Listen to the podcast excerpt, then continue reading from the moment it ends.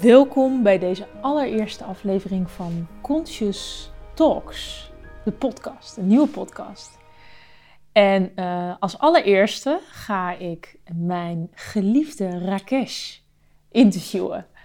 En wij zijn ook de gezichten achter deze podcast. Dus uh, wij zijn heel blij om jullie uh, te vertellen over Tantra. Dat is namelijk het onderwerp van deze eerste aflevering, Tantra.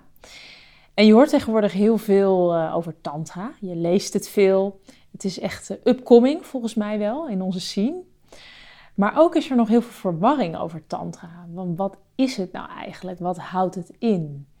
En ik denk dat ik daarvoor, hij zit hier naast me, Rakesh, uh, bij het goede adres ben. Want hij is opgegroeid in een Osho-commune. Dus bij hem zit Tantra echt helemaal in zijn bloed. Dus uh, nou, misschien uh, kan jij daar iets over vertellen. Ja, hartstikke leuk. Zeker, kan ik zeker. Uh, ja, iets over vertellen is nogal breed. maar um, ja, er zijn heel veel ja, verschillende soorten stromingen op het gebied van tantra. Heel veel richtingen, heel veel kleuren als het ware. En um, ja, je ziet in het westen hier veel rode tantra, maar ook wel uh, witte tantra. En uh, je hebt uh, ja, ergens in het oosten noemen ze het ook wel left-handed en right-handed tantra. Ja, er is heel veel over te vertellen en het is um, ja, inderdaad mijn hele leven al aanwezig, een grote rol ingespeeld. En ik vind het ook uh, heel bijzonder om dat meer dan 15 jaar al ook te delen met mensen en daarover ja, dingen over te vertellen, dingen over dingen mee te geven, maar ook uh, oefeningen te laten doen. En uh, ja, wat het mooie van Tantra vind ik is dat het heel erg gaat over het lichaam en in contact komen met het lichaam en met je onbewuste, uh, met gevoelens, met um, ja, je, een beetje je schaduwkant, maar ook um, dingen transformeren en kijken of je ja, tot ja, een staat van ja, meer bewustzijn kan creëren in jezelf. Oké, okay, meer bewustzijn kunt creëren. En um, nu ben ik wel ook benieuwd, aan het begin van deze uitleg zei je allerlei woorden. Hè? Witte tantra, rode tantra, left-handed, right-handed. Dan denken mensen natuurlijk meteen, waar heb je het over? Uh, die vraag krijg ik zelf ook wel eens van mensen. Van wat is nou het verschil tussen die, al die kleuren en handen? Nou, je hebt dus te maken met... Uh ja, verschillende stromingen. Um, sowieso heb je in het oosten ook allemaal stromingen en hier in het westen dus ook. En we hebben, ja, omdat het zo gevarieerd is, zo divers is, is er ook een beetje wat labels gekomen om, ja, dat je een beetje categorieën hebt van dat je weet van waar je aan begint. Dat je een beetje een idee hebt. En als je het dus hebt over witte tantra, dan gaat het echt over energiewerk. En dan is er niet zo heel veel contact en niet zo um, ja, op het uh, lichamelijke, seksuele, zeg maar, qua uh, intimiteit. En rode tantra gaat juist wel meer uh, in contact, meer in het lichaam en aanraking en in seksualiteit. En um, daar werk je daar wat meer mee. En ja, witte tantra is in dat die zin wat meer op jezelf, zoals ik het zie. En rode tantra is dan echt veel meer in contact met de ander. Ja, en um, ja, je hebt het net ook over emoties en over transformeren. En ook over, nou ja, misschien ook schaduwwerk en dat soort dingen. Dat hoor je tegenwoordig ook wel eens, hè. Dat is ook een uh, onderdeel van tantra. En ja, en waarom zou je dat nou eigenlijk doen? Waarom zou je nou, ja, dat soort onprettige dingen opzoeken, zouden mensen het misschien wel zeggen. Waarom zou je daarmee aan het werk gaan? Waarom zou je naar je schaduw kijken? Ik denk dat in de maatschappij waarin we nu leven, dat er heel weinig aandacht voor is. En als je naar school gaat en opgroeit en vrienden en alles wat je wil eigenlijk meekrijgen en leren, um, gaat heel erg over ja, het praktische en over de mind en uh, ja, jezelf nuttig maken als het ware. En we krijgen eigenlijk heel weinig mee over wat gebeurt er in ons systeem? Wat gebeurt er eigenlijk in ons energiewerk? en wat gebeurt er in, met onze emoties? Wat gebeurt er met onze verlangens? Wat gebeurt er met onze boosheid, verdriet? Wat gebeurt er met onze seksualiteit? Wat gebeurt er met ja, tal van dingen eigenlijk? en ja, dat is eigenlijk dat je voelt van, nou ja, wanneer ben je er klaar voor om daar ook een beetje onderzoek in te gaan doen? Wanneer ben je er klaar voor om daar eens naar te kijken? Want het heeft invloed op eigenlijk alles. Hè? Net als dat ehm, wat jij eet, als je uh, voeding tot je neemt, heeft eigenlijk ook invloed op alles wat je daarna wat je met die energie doet, wat je met die voeding doet. Dus ehm, je hebt eten nodig om ja, je lichaam goed te laten eh, functioneren. En hetzelfde geldt eigenlijk over, ja, wat gebeurt er in jou en hoe voed je dat en hoe ehm, kan je daar ook onderzoek in doen, want dat heeft eigenlijk ook effect op alles wat je doet. in het Westen zijn we heel erg gericht op resultaat, maar niet zozeer op de staat waarin je iets doet. En Tantra gaat juist heel erg over de staat van het nu, de staat van jouw zijn. En wanneer jij je dus iets doet, gaat het over de resultaten, gaat het over wat je hebt bereikt, of gaat het over, in Tantra over de staat waarmee je het doet. Dus ben je gelukkig als je, als je werkt, als je beweegt, als je eet, als je wat dan ook doet.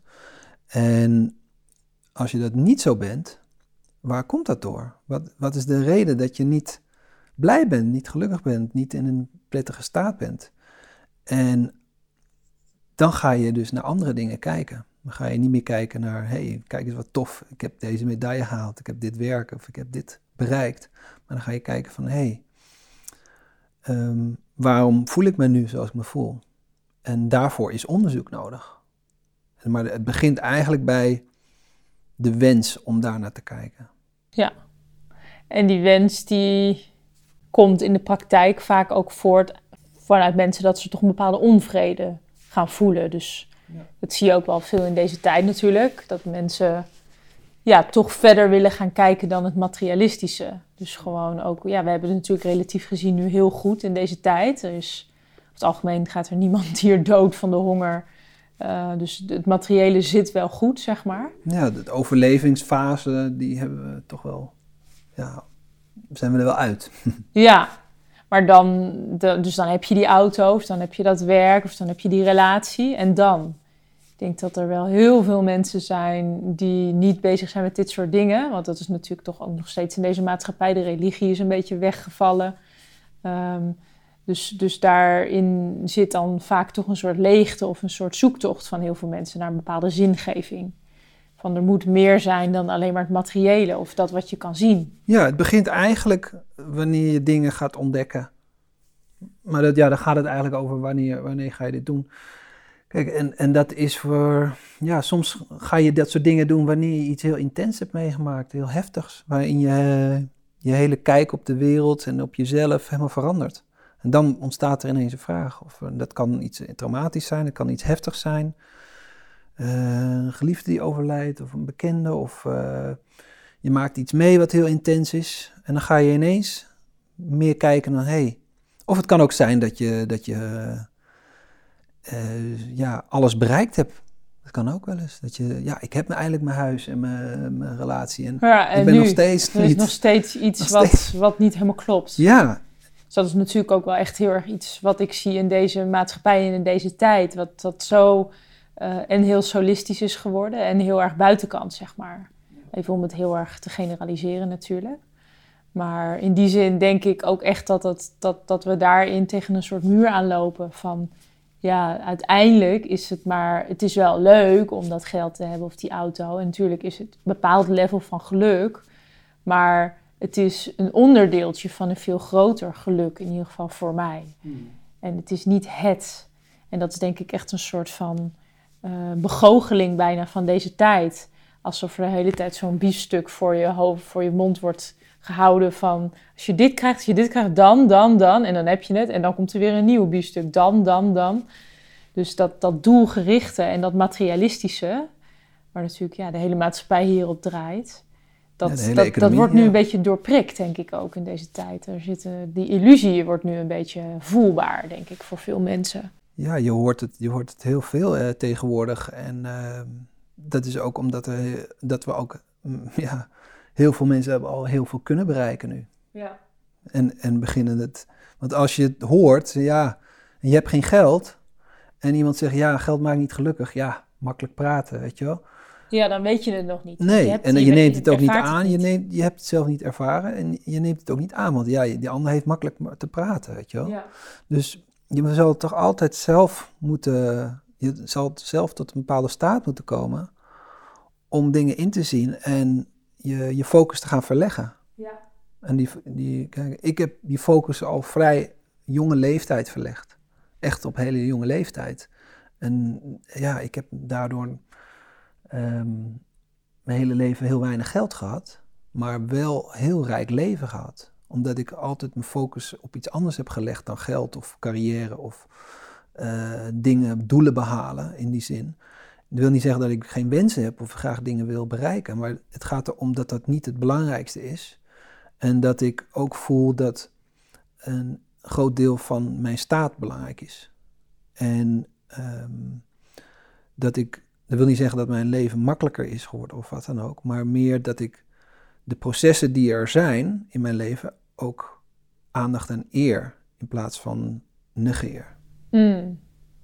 Dus het is dan eigenlijk die processen en de staat van zijn is niet meer een sta in de weg van dat doel, maar het is meer dat dat, dat doel is een gevolg van die staat, zou je kunnen zeggen. Dus het is niet iets van oké, als we een probleem hebben in een relatie, oké, shit, dit komt er ook nog bij. Of eh, eh, dit is een blokkade, maar meer van door die blokkade heen werken en daarmee wordt het alles meteen ook daardoor getransformeerd. Dus het is, het is niet meer zo losstaand van elkaar ook. Het werk en het geld en de relatie. En het is meer, denk ik, ook één grote energiestroom die allemaal met elkaar verbonden is. Ja. Ja, Dus dat is een heel andere manier van ernaar kijken ook. ja zeker. En het is, en- en tantra gaat echt over volledig in het leven staan en ontkent niks. Dus het is niet, het zal- nooit zeggen van ja, dit is er en daar moet je vanaf. Ja, Het, Ja. gaat, het gaat er juist om bewustzijn brengen in alles. ja. En juist hetgeen wat er speelt of wat er is, wat energie genereert, dat inzetten. Ja, precies. Ja. ja, daarin voel ik ook wel dat het ergens een hele ehm, eigen leer is, zeg maar, van echt alles mag er zijn. Omdat er zijn natuurlijk zoveel stromingen, al is het maar heel subtiel, hè. Ik heb natuurlijk zelf ook veel gedaan van meditatie en touw en dat soort dingen. En toch is het vaak, zit er voor mijn gevoel heel snel toch wel een soort, dit is wel goed en dat is niet goed. Zit er heel vaak in. En ik merk dat dat voor mij heel erg tantrisch voelt om echt al het hele scala, zeg maar, het hele spectrum eh, er gewoon te laten zijn. En dat het de practice op zichzelf is om dat niet te veranderen. En dat lijkt wel alsof dat in het collectief zit, een co- collectief veld van hoe wij nu leven is. Dat het lijkt als een soort eh, basisverkramping van dit, het is niet goed zoals het nu is. Ik ben niet goed, of dit gevoel is niet goed, of er moet iets gefixt worden. Hier of- moet je vanaf. Ja. hier moet je vanaf, of ik ben er nog niet. Of, en natuurlijk ook een spirituele illusie daarin heel snel. Ik moet daar nog aan werken, of ik moet nog die sessie doen, die ceremonie, die eh plantending. Of, nou ja, dus misschien allemaal hele mooie methodes, maar er kan natuurlijk, de beweegreden om dat te doen, kan natuurlijk ergens heel, ja, ik noem het dan echt abusive zijn, om jezelf weer op de kop te zitten omdat je niet goed bent. En daarin denk ik, voelt het voor mij in Tantra heel erg als thuiskomen. Van, oh ja, wacht even, dit hoeft niet weg. Oh ja, wacht even. Oh, er is onzekerheid, er is twijfel. Oh, maar mag dat eigenlijk gewoon precies zo zijn? Tantra is echt een vrouwelijke weg. En de vrouwelijkheid gaat echt over de verzachting, gaat over ja, in contact staan met, met gevoel en met mezelf en met wat er is op dat moment. In plaats van dat je ja, die verharding ingaat of dat je voelt van daar moet ik vanaf of dat moet anders. Dat is goed, dat is slecht. Dat is niet goed. En, ehm, dus het gaat echt over die verzachting en bewustzijn brengen in iets en liefde brengen in dat. En wanneer je die verzachting voelt, dan komt de liefde en dan komt die bewustzijn. Ja, ja, precies. Ja, en die verharding zou je kunnen zeggen, nou ik heb er gisteren zelf nog in gezeten, eh, dat ik heel veel verharding voelde in mezelf. Dat kon ik ook echt voelen. Die verharding kwam ook doordat dat er eigenlijk ook niet mocht zijn van mezelf. Dus dat was de verharding van, oh ik wil dit niet voelen of dat deel in mij, daar heb ik een oordeel over. Of daar schaam ik me voor of dat wil ik wegdrukken. En daardoor kwam eigenlijk die verkramping. En toen ik smol door, die, door dat oordeel eigenlijk, dat het er mag zijn, toen werd het eigenlijk, werd, dat monster werd liefde. Ja. En, en dat is, heeft een heel groot deel te maken met onze opvoeding en met de schoolsystemen en al, alles wat maar ja, uh, in de weg staat van, ja, van leerstof of succes of carrière. Cijfers, ja. Uh, van, van de economie, dat, dat mag er niet zijn. Ja. En dat is zoveel. Dus je wordt op zoveel lagen word je eigenlijk geprogrammeerd dat ja, dat je dan niet goed bezig bent of niet goed bent. Of ja. dat dat gevoel in de weg staat van iets anders. Ja, ja. ja dat, gaat heel diep, eh, dat gaat gewoon jaren is dat mee. En, ja, en ook collectief denk ik. We zijn daar natuurlijk ook verbonden met elkaar. We zijn geen losstaande, lopende capsules. Maar we zijn natuurlijk ook een veld met elkaar als mens. Dus daarin denk ik ook dat er gewoon hele grote collectieve programma's werkzaam zijn. Die, ja, die zo diep kunnen zitten inderdaad. Of uit je familielijn of uit het collectief. Of ja, en, en dat, zijn, dat zijn dus processen of patronen die je niet snel doorhebt van jezelf. Nee, die zijn onbewust. Die zijn een grootste deel is onbewust.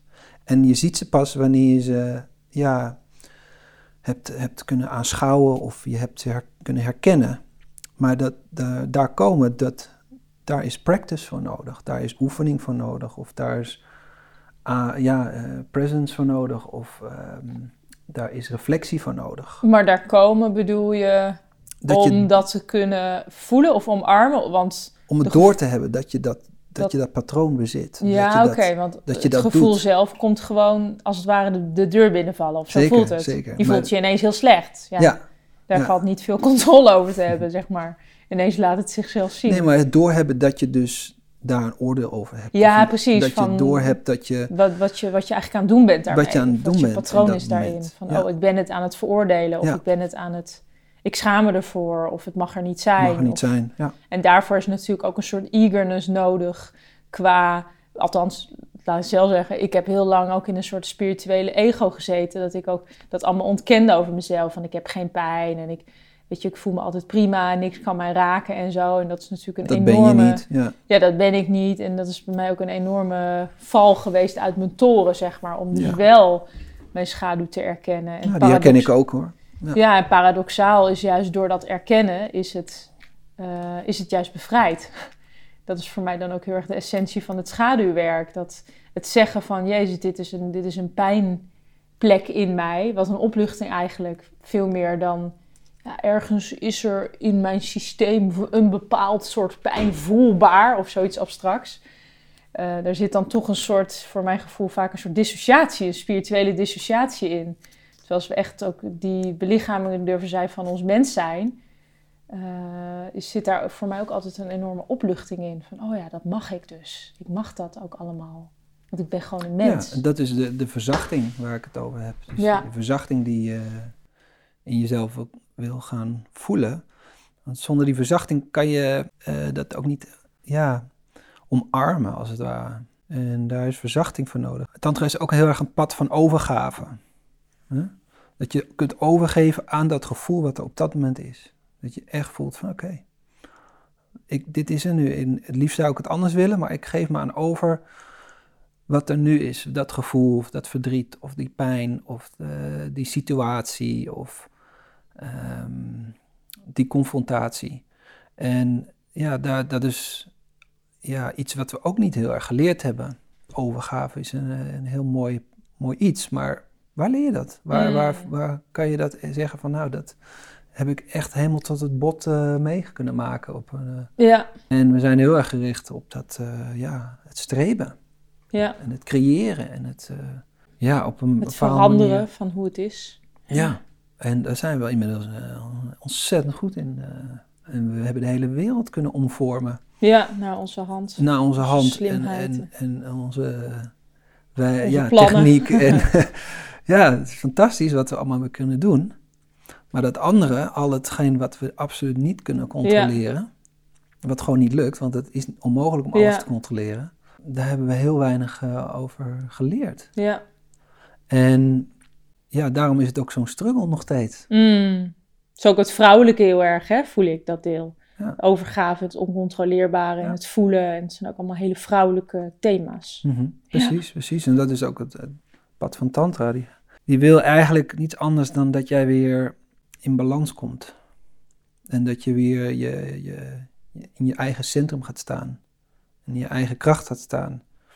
En ja, als je dus naar, heel erg naar één kant helt, dan is het belangrijk dat je de andere kant gaat eh, ontwikkelen. En Ja. dat is voor iedereen weer anders. Iedereen heeft weer een andere balans in, de, in die zin. Ja, ja mooi, mooi onderwerp. We gaan het eh, afronden, want eh, de podcast houden we ongeveer 20 minuten. Dus we, gaan hem, we gaan hem afsluiten. En het is ook een mooie brug naar onze, onze tantrische events.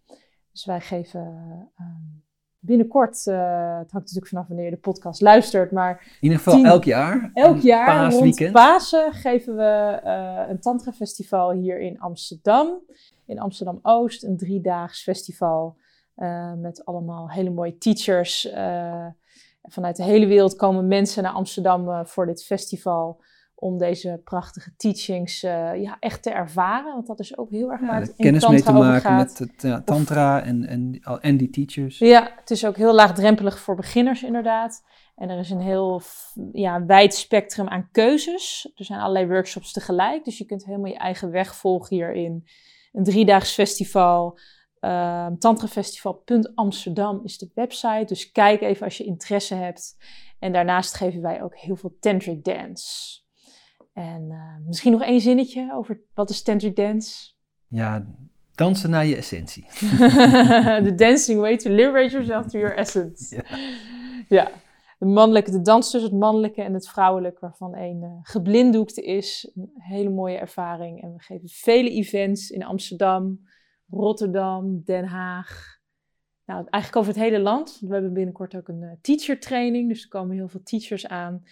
Wees welkom daarvoor ook, artofloving.nl. En ik zal eh, ook nog links plaatsen, ergens eh, hier omheen. En eh, bedankt voor het luisteren. En we hopen je te zien tijdens onze events. En bedankt Rakesh voor jouw Graag- mooie graag uitleg. En dan tot de volgende podcast. Yes, er komen er nog heel veel aan. Heel goed. Adios. Ciao, ciao.